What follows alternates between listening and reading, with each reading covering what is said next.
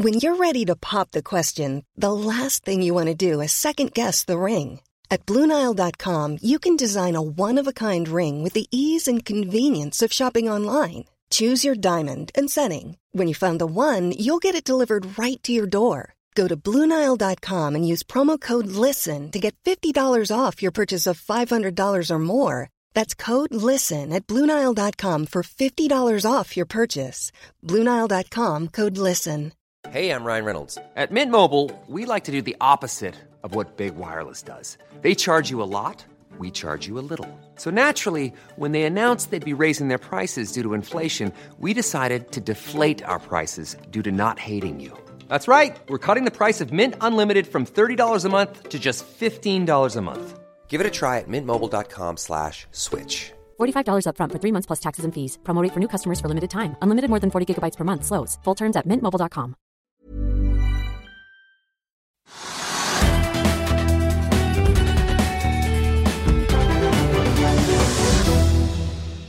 Velkommen til Økonominyhetene. Det er blitt tirsdag 22. mars, og etter en oppgang på 2,5 i går, så er hovedindeksen i dag opp nye 0,7 til det som da blir den femte dagen med oppgang. Og Dermed ligger vi også i tetsjiktet i Europa, som i dag er eh, litt blandet etter en svært positiv start i de asiatiske markedene litt tidligere i dag. Oljeprisen den fortsetter oppover nye 0,4 i dag for et fat nordsjøolje, altså brent i spotmarkedet til 116 dollar og 80 cent etter gårsdagens kraftige oppgang på nesten 8 Og For å illustrere litt hvor store svingninger det nå er om dagen, kan vi jo bare se på hva som har skjedd nå under krigen i Ukraina. Vi var jo oppe i 130 dollar eh, fatet på det meste før prisen deiset ned i 96,90 på det laveste 16. mars. Prisen har vært oppe i 119 dollar og 40 cent i dag i spotmarkedet, og det, det er jo da opp eh, over 20 siden bunnen. I dagens sending blir det mer snakk om energi, for vi får besøk av Ryssa Energies leder for gassanalyse, Sindre Knutson. Og etter forespørsler på e-post skal vi også få teknisk analyse av Klavenes Combination Carriers. En av de mest omsatte aksjene i dag på Oslo Børs er Integrated Wind Solution, som vi nylig hadde besøk av. Selskapet meldte etter børsslutt i går om at de vurderte å kjøre en rettet emisjon for å hente 350 millioner kroner. Meglerhusene SEB og Sparebank1 Markets eh, er hyret inn, og i morges kom bekreftelsen om at pengene er hentet inn til en prising på 32 kroner aksjen. IVS har steget hele 7,5 i dag, til 36,50. Storaksjonær Avilco og konsernsjef Lars Henrik Røren er blant de som har eh, tegnet seg, og pengene skal brukes til å finansiere egenkapitalen som trengs for å bygge ytterligere to havvindinstallasjonsfartøy som koster rundt 460 millioner kroner stykket som eh, selskapet annonserte at de hadde bestilt i går fra verftet China Merchants i eh, Hongkong. Skipene har en såkalt eh, walk to work-broløsning, og IVS har allerede to slike skip i Skywalker-klassen under bestilling. De første skal leveres i 2023, og deretter kommer disse to nye bestillingene inn i første halvår 2024. Og så har de også opsjoner på ytterligere to til i andre halvår 2024. Skipene skal i første omgang i arbeid på den store havvindparken Doggerbank i Storbritannia. Private Equity-aktøren Hightech Vision, som jo er mest kjent for å gjøre butikk innenfor oljesektoren, annonserte nylig at de går sammen med Trønder Energi om å opprette et nytt fornybarselskap i Trondheim med en investeringskapasitet på 15-20 milliarder. I dag kom meldingen om at de, har nok en transaksjon på gang. Denne gangen går de sammen med Hafslund Eko, som eies av Oslo kommune, og svenske Infranode for å kjøpe Fortums eierandel på 50% i Fortum Oslo Varme. Samtidig overfører Oslo kommune den andre halvdelen av eh, Fortum Oslo Varme til Hafslund Eko. På den måten ender Hafslund opp med 60% mens Hightech og Infranode ender opp med 20% hver av fjernvarmeaktøren. I en uttalelse skriver partnerne at eh, målet deres er å realisere karbonfangst på avfallsanlegget Klemetsrud i Oslo, som står for eh, rundt 14% av Oslos samlede utslipp. Partnerne skal stille opp med 6 milliarder for å få dette prosjektet realisert, og staten skal etter planen stille opp med 3. I går eh, snakket vi om eh, teknologiselskapet Mercell, som driver en eh, slags anbudsplattform for programvare. Det er jo en av tek teknologiaksjene som har falt aller mest i år. Aksjen er ned rundt 50% men i dag er den faktisk opp litt over 5 Det skjer etter flere meldinger fra selskapet. Den første gikk på at både finansdirektør Fredrik Eeg og kommersiell direktør Lars Vangen går av fra selskapet og erstattes av henholdsvis Erik Hockholt og Werner Risberg. I en anmelding skriver selskapet at de gjentar guidingen de har kommet med tidligere på at de en, forventer en positiv kontantstrøm i 2022, og at både inntekter og brutto driftsresultat er ventet å bedre seg fra 2021 til 2022. Og Apropos olje, så startet eh, i dag endelig prosessen med å taue ut eh, Njord-A-plattformen tilbake til feltet fra Aker Solutions sitt verft på Stord. Det var i 2017 at Aker Solutions sikret seg milliardkontrakten for å oppgradere plattformen fra 1997, mens det er Able som fikk oppdraget med å oppgradere lagerskipet. Dette var ifølge Aksjelutions første gangen en produksjonsplattform på norsk sokkel ble tauet til land for oppgraderinger, og prosjektet skulle ifølge budsjettdokumentene fra Oljedepartementet koste 16,4 milliarder kroner.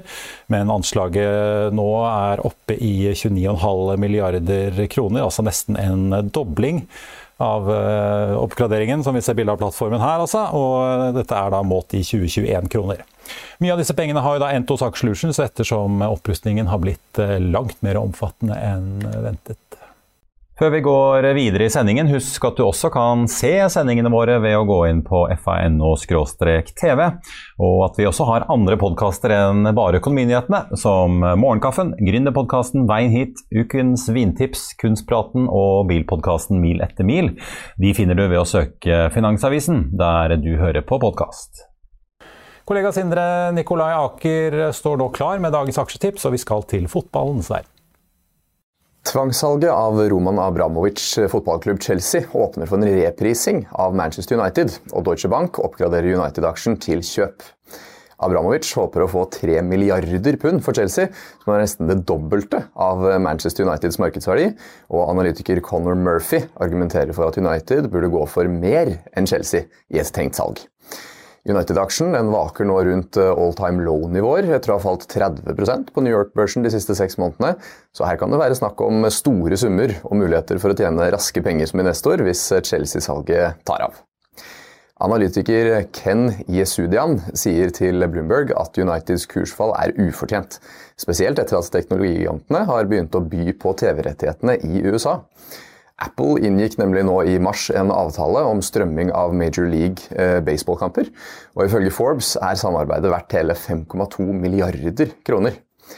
Ken sier at eh, profesjonell fotball er en bransje i enorm endring, og mulighetene til å bli deleier av en sportsorganisasjon er få.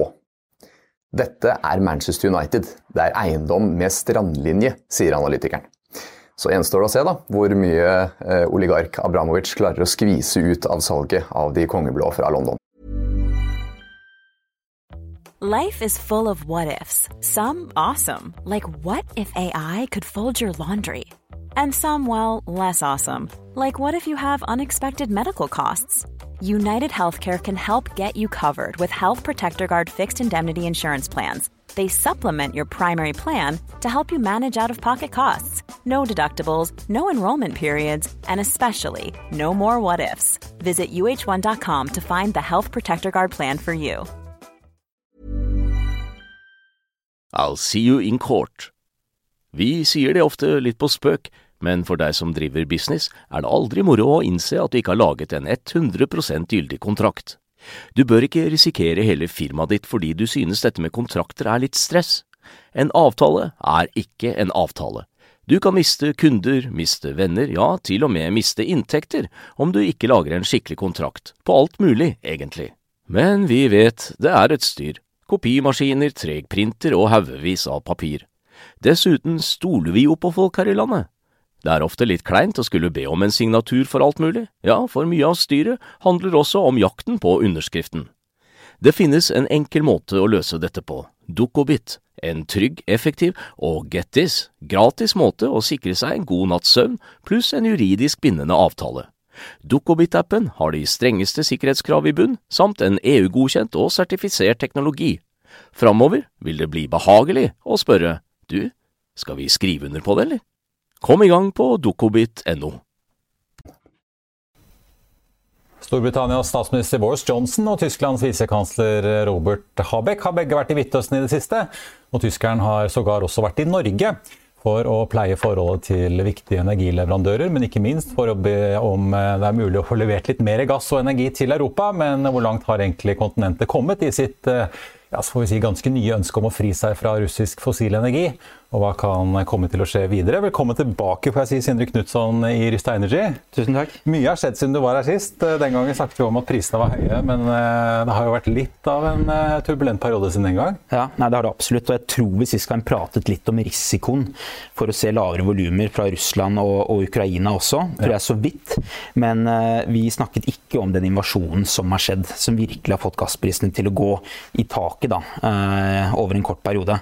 Så det har vært virkelig mye som har skjedd siden sist. Ja, altså den uh, Nord Stream 2-rørledningen, vi får begynne litt med bare hva som skjer akkurat nå. da, Nord Stream 2-rørledningen som går av via uh, Østersjøen og inn til Tyskland har jo tyskerne ikke villet godkjenne, så den mm. ligger jo helt uh, brakk. Men ja. det har jo vært meldinger i mediene har vi sett om at uh, gassvolumene fra Russland til Europa faktisk har økt litt uh, under krigen. Det går jo både gjennom Ukraina og i Nord Stream 1. Ja. hva er det egentlig som har skjedd? Er det business i krig vi ser, eller? Ja. Du kan jo si at Det som skjedde helt i starten av invasjonen, var at gassprisen gikk da i, i taket. og Det gikk fra ca. 30 dollar per MMBTU opp til en topp på 120. Så de, de gikk da opp 300 og 120 dollar per MMBTU, det er ca. 720 dollar per fat. Eh, ja, I oljeekvivalenter, altså, hvis man måler der, da. Eh, og da gikk jo prisen veldig mye opp, grunnet da risikoen og frykten for at vi skulle se eh, sterke eh, forstyrrelser i russisk eksport. Og da gikk jo da prisene høyt opp, spesielt da de day-ahead-prisene og de spotmarkedene. Men det gjorde da at de russiske kontraktene som Russland har med Europa i dag, ble mer konkurransedyktige. Og vi så da en økning faktisk i volumene fra Russland inn til Europa. Og Nord Stream 2, eller Nord Stream 1 har jo da gått for full kapasitet, men vi så volumene gjennom Ukraina faktisk også fikk et lite byks. Og i tillegg så så vi denne ruten som går gjennom Hviterussland og Polen også, fra å ha gått i revers, som vi pratet om da, eh, har nå sendt volumer da i, i vestoverretning. Så det har ført faktisk til at uh, vi har sett mer volumer uh, fra Russland, som igjen nå også har ført til at markedet har blitt litt mer balansert, og prisen har falt ned til nivåer på ca. 35 dollar per MMSU. Ja, Det er jo nesten ikke til å tro midt i en krigssituasjon, men det er jo livets harde realiteter kanskje at Europa trenger jo da voldsomt mye, mye gass inn. Går det fortsatt gass gjennom Ukraina? Eh, det går fortsatt eh, gass gjennom Ukraina, og de volumene er, er, de som har holdt seg mest stabile, egentlig, siden nå invasjonen startet. Men er man redd for at, det kan, at de, disse, den infrastrukturen og rørledningen mm. at den kan bli skadet kanskje ved et uhell? Absolutt. Du kan si at det er, det er jo et, en granat unna at vi, vi kan se at volumene faktisk stopper opp. Men nå Naftegass, som er operatøren da i, i Ukraina, har jo sagt at vi kommer til å vedlikeholde og, og kjøre operasjoner på våre rørledninger så lenge det er ansett som trygt, og de kan gjøre det på en trygg måte. Eh, så enn så lenge så går volumene, men det er en risiko for at det kan stoppe opp der. Og det er jo da 8 av Europas gassetterspørsel som går gjennom Ukraina i dag, så det er betydelige volumer. Ja, så da, da, vil man få en ganske stor rystelse inn i markedet hvis, de, hvis, den gassen plutselig slutter å strømme inn? Ja, absolutt. Og, og, det er jo ikke bare der man ser risikoen. Eh, man ser jo det er en av hovedgrunnene nå, er volumene gjennom, gjennom, Ukraina. Men man ser jo også det at Russland har jo sagt og hintet litt om at det kan hende at vi må komme med en respons på alle de sanksjonene, at vi faktisk må holde igjen litt volumer. Det har enn så lenge ikke skjedd fra Russlands side, men, men, det kan skje. Eh, vi ser jo også at Vesten har jo snakket om sanksjoner mot russisk eh, gass. USA har jo ilagt russisk gass sanksjoner, men det er veldig lite viktig for USA.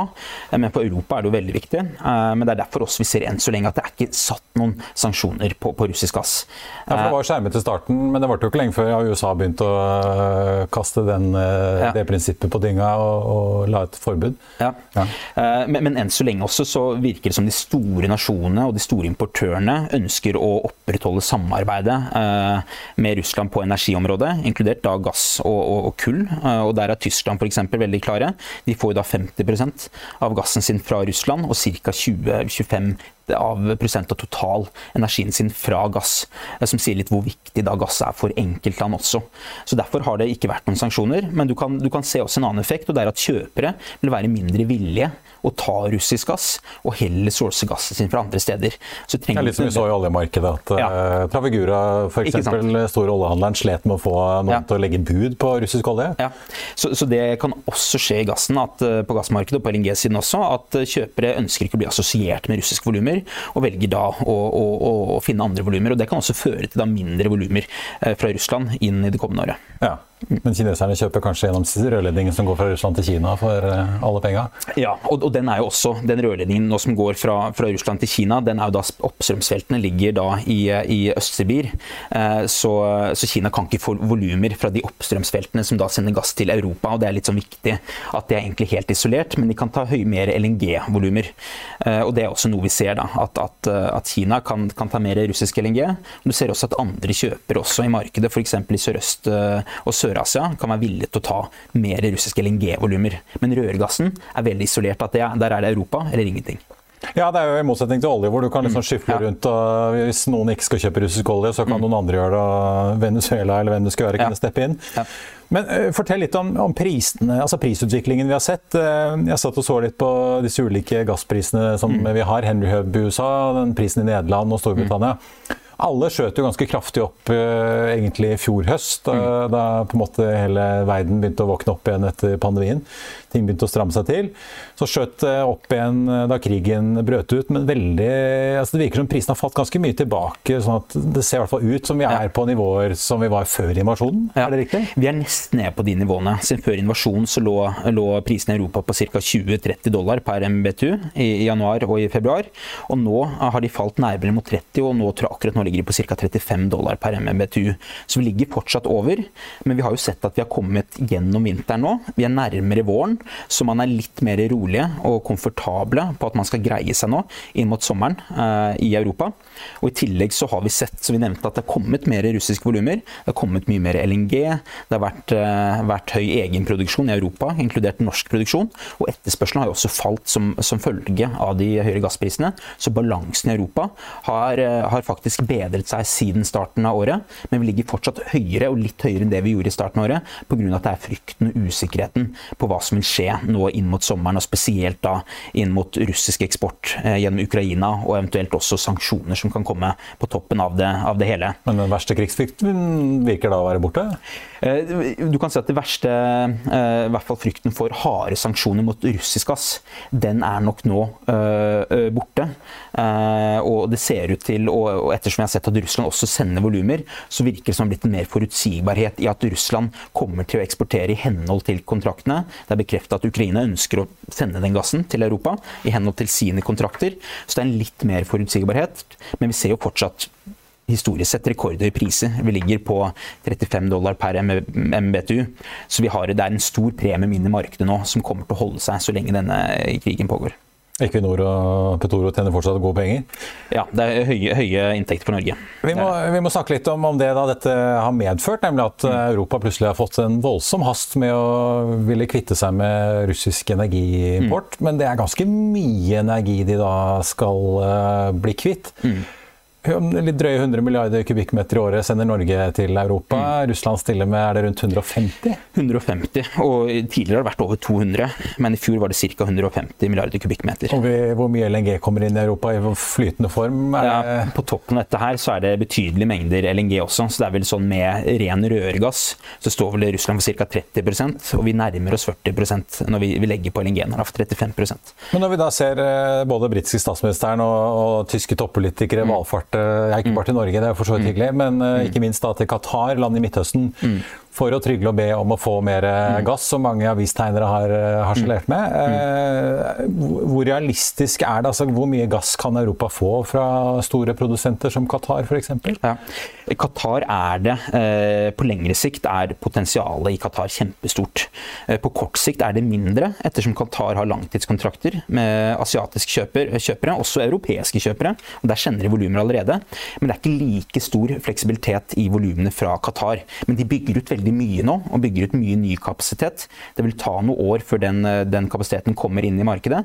Eh, men vi ser jo likevel at, at nå europeiske kjøpere og Storbritannia og Tyskland også, som skal bygge to nye importterminaler, går til Qatar for å sikre seg volumer. Er det noen andre steder man kan få altså erstatte 150 milliarder eh, grovt regnet kubikkmeter i året? da? Eh, på kort sikt og, eh, og på, med, på mediumsikt vil det være vanskelig, men vi ser at, på, at det har vært en kraftig respons på LNG-importsiden uh, i Europa. Og Hvis du ser på Vest-Europa, så har de økt nå utnyttelsesgraden på LNG-importterminalene sine fra ca. 40-50% i fjor helt opp til 100% nå i februar uh, og ja, januar og februar i år. Så det har kommet mye mer volumer inn i markedet. og disse har primært sett kommet fra USA. Eksisterende produserende eksportanlegg i USA. Men Da overbyr man asiatiske kjøpere eller andre kjøpere, så da er det rett og slett eh, prisen må opp for å få de skipene til Europa? Og det er det som er med Qatar har mye langtidskontrakter som har en destinasjonsklausul som sier at disse volumene må gå til Asia. Eh, det er ingen sånne klausuler i amerikansk eh, LNG-eksport. Så selv om volumene er kontraherte med kjøpere i Asia, så kan man selge disse videre i markedet. Og det er det da som har skjedd. At mye asiatisk kjøpere har gitt slipp på disse cargoene, og de har heller, gått, heller da gått til Europa. Men det har hatt da, som du sier, en sterk eh, priseffekt. Men, eh, vi så jo noen europeiske politikere i Brussel snakke om at de innen året vil kvitte seg med to tredjedeler av russisk energiimport. Mm. Den siste tredelen er sikkert veldig vanskelig å bli kvitt, i hvert fall på kort sikt. Men mm. er dette realistisk, og hvordan skal det gjennomføres i praksis? Har man fått noe innsikt i Skal de drive dette gjennom importforbud, eller altså, I og med at man åpenbart trenger en veldig høy pris for å friste amerikanerne til å sende mer gass hit? Ja.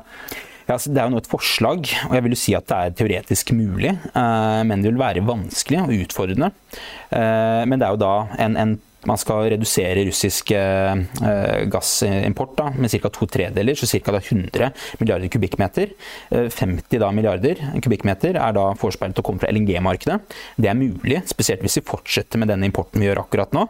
Det er også snakk om at 10 milliarder kubikkmeter skal komme fra da andre rørgasskilder, og det er primært sett av Norge.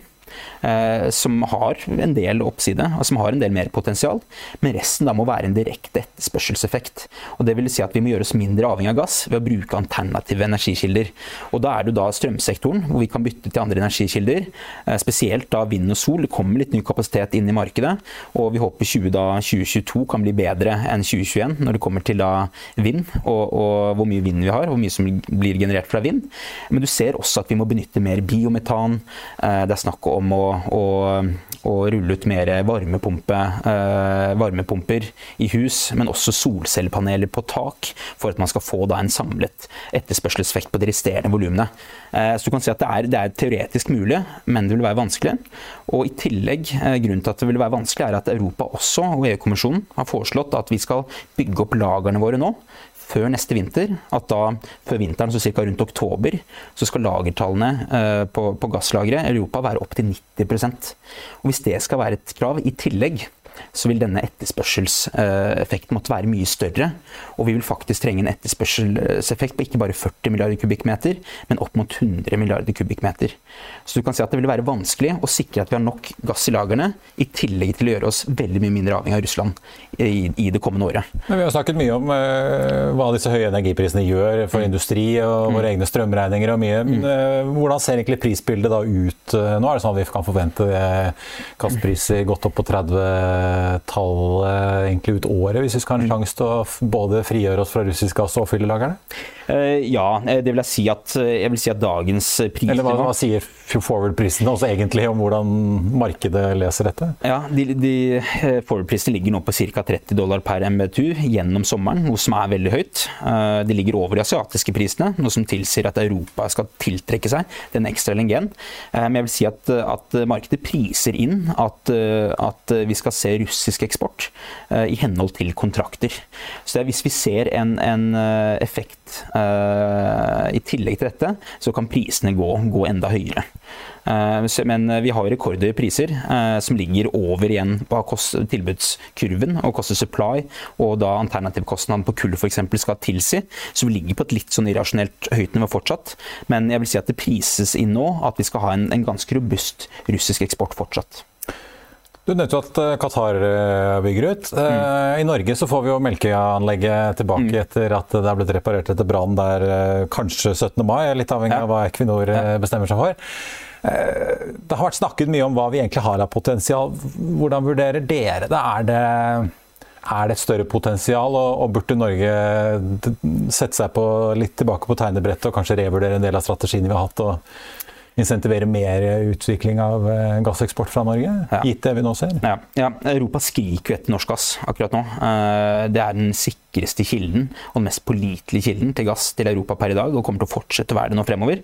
Og Vi ser jo litt på hva potensialet kan være på kort sikt. Ehm, og Det har skrevet veldig mye i media om at alt fra null, at vi ikke kan gi noe mer, til at kanskje opptil 30 milliarder kubikkmeter, som da igjen er en økning på godt over 20% Men vi sier at på kort sikt nå, så er kanskje makspotensialet et eller annet sted mellom, så ca. 15-16 milliarder kubikkmeter. Og Det er jo da inkludert disse volumene fra, fra Melkøya og fra Snøhvit LNG. Og I tillegg så ser vi at Equinor har fått eh, godkjent å øke produksjonen på Heidrun og Oseberg med ca. 1,4 milliarder kubikkmeter. Så vi trenger en mye større effekt. Eh, men vi ser jo at Troll uh, har veldig mye større potensial. Og Equinor har kommunisert at Troll kan øke produksjonen, og spesielt også få erstatte da vedlikehold når det er vedlikehold på andre plattformer. Så vi kommer til å se en mye mer stabil norsk produksjon i år sammenlignet med i, i fjor. Og Derfor ser vi at vi kan se en maksimal økning i år på ca. opptil 15 16 eh, milliarder kubikkmeter. På litt sikt er, kan Norge stille opp hvis Europa mm. da faktisk vil bytte ut russisk gass? Eh, på lengre sikt så er det jo eh, Da må det til ny eksportkapasitet. Vi ser jo at man allerede nå mot vinteren, når vi eksporterer mest, at, vi begynner bli, at det begynner å bli en flaskehals der. Og ikke bare da i Nordsjøen og Norskehavet, men også da potensielt sett fra Barentshavet. At det vil kreves ny infrastruktur for at vi skal eksportere mer. Og per i dag så er det vel ingen planer for dette her. Eh, så som du sier, da må man eventuelt tilbake Rørene stopper til på Stenfeltet i Norskehavet og går ikke noe lenger opp? Nei. Eh, så man, så man, ja, da må man tilbake til tegnbrettet her for å evaluere om man kan rett og slett eksportere mer. Er det realistisk, eller er det Eh, For tidlig å si noe om ja, og gasselskapene egentlig tenker? Ja, altså det er jo eh, Avhengig av hvor mye man leter, så kan man jo finne eh, mye mer oppside og finne, finne mye mer gassfelt. Man ser jo at da Nordsjøen er ganske moden når det kommer til ny supply. Norskehavet kan det være mer potensial og noe ledig kapasitet som man kan henge seg på der. Men Barentshavet er jo veldig urørt at man har LNG. Men det siste fra Gassco der er vel at man legger alle planer der på is helt til Vår Energi også finner ut av om de skal uh, uh, sanksjonere et prosjekt da, på, på, på, på Amonak. Da. Ja, samme horisont energi, så foreløpig skal de jo ikke bruke dette til naturgass i det hele tatt. Nei, så, men da har man Gassco sagt at vi setter litt på vent og ser hva som skjer før vi eventuelt begynner å komme med nye planer for enten LNG eller nye rørledninger da, uh, hele veien ned til, til, til Europa. Til slutt tenkte jeg vi må, vi må, snakke om hva som da kommer etter gassen, nemlig fornybar energi, får vi anta. Eh, er dette på en måte er dette en akselerator for det grønne skiftet? Det vi nå ser at man ønsker å bli kvitt Russland? Mm. Eller er det òg frykten for mm. krig og invasjon og energiusikkerhet? Eller mm. er det egentlig dødsdommen fordi Europa må klamre seg til all, alt kullet og naturgassen og alt det fossile man kan komme over for å klare det? Jeg vil si at På lengre sikt så er dette en akselerator for det grønne skiftet. Uh, siden Europa har jo satt seg, Vi har jo vært i en litt vanskelig situasjon uh, over de siste årene. Vi har gjort oss veldig avhengig av gass. Vi har stengt ned kull, vi har stengt ned atomkraftverk. Det har blitt mer avhengig av gass, og da også Russland. Uh, og, så nå er vi strengt tatt veldig avhengig av gass, men når vi ikke har den gassen, og den ikke er like pålitelig som den har vært før, så må vi finne nye alternativer. på kort sikt kan du se at kanskje man holder, holder, litt igjen på nedstengning av atomkraftverk og av kull, som kan føre til mer utslipp på kull. men på lengre sikt så ser vi da at måten å gjøre oss mindre avhengig av gass i Europa, er å øke investeringene i fornybart. I vind og i sol. Så jeg vil si at for Europa sin, sin helhet vil dette her potensielt være en akselerator på lengre sikt. At vi kommer til å flytte oss mye fortere mot nullutslippskilder. Men er det på en måte, Går det på bekostning av naturgass, når da Norge også må planlegge hva vi alle dager vi skal gjøre? Eller eh, blir det på en måte ja takk begge deler for Europas side, hvis man skal klare å erstatte disse 150 milliardene med kubikkmeter? Ja, eh, på, For Norges del så blir det litt ja takk begge deler. At norsk gass kommer til å, å trenges uh, over lengre sikt. Spesielt hvis vi skal kutte ut denne her en tredelen vi får fra Russland i dag. Så kommer vi til å trenge norsk gass over mange år. Men for å erstatte den russiske gassen, siden ikke vi har like mye oppside fra, fra Norge, så vil vi trenge mye mer mer fornybare investeringer. Så vi kommer da til å se et økt behov for norsk gass, også LNG, som kommer til å komme inn, spesielt på mediumsikt over de neste 10-15 årene.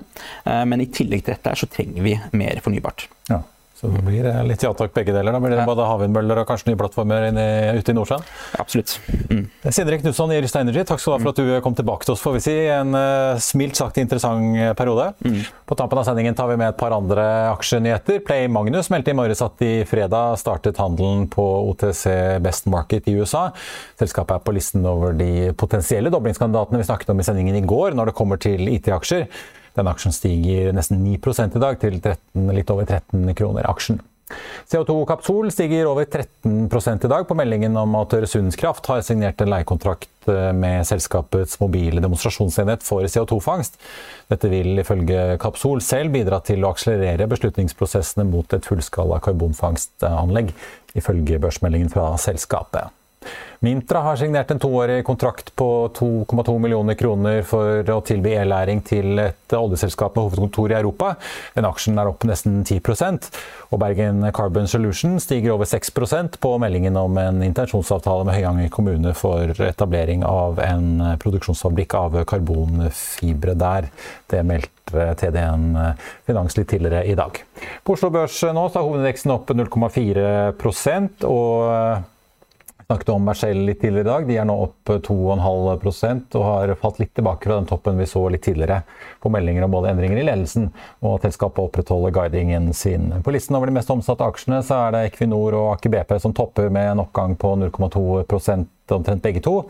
Integrated Wind Solutions stiger 7,4% etter emisjonen i selskapet, etterfulgt av eh, Norsk Hydro og Yara som er henholdsvis opp 0,6 og flatt på Oslo Børs i dag. Oljeselskapet Vår Energi stiger 1,2% på en oljepris som nå ligger eh, litt ned siden i går, på 115 dollar fat i spot-markedet. I Finansavisen i morgen så skriver Trygve Hegnar i lederen sin om vi bør sensurere russiske medier som Russia Today og Sputnik eller ikke. og Om private equity-fondet Summa Equity som går inn i bruktmarkedet og auksjoner at det er jobbboom i bank og finans, og det blir også børsintervju med Storebrand-forvalter Lars Kvikstad Sørensen.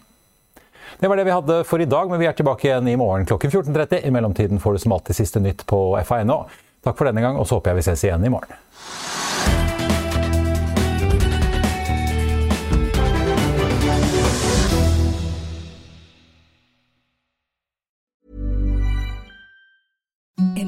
Softest sheets you've ever felt. Now imagine them getting even softer over time. That's what you'll feel with Bowl and Branch's organic cotton sheets. In a recent customer survey, 96% replied that Bowl and Branch sheets get softer with every wash. Start getting your best night's sleep in these sheets that get softer and softer for years to come. Try their sheets with a 30-night guarantee. Plus, get 15% off your first order at bowlandbranch.com. Code BUTTERY. Exclusions apply. See site for details.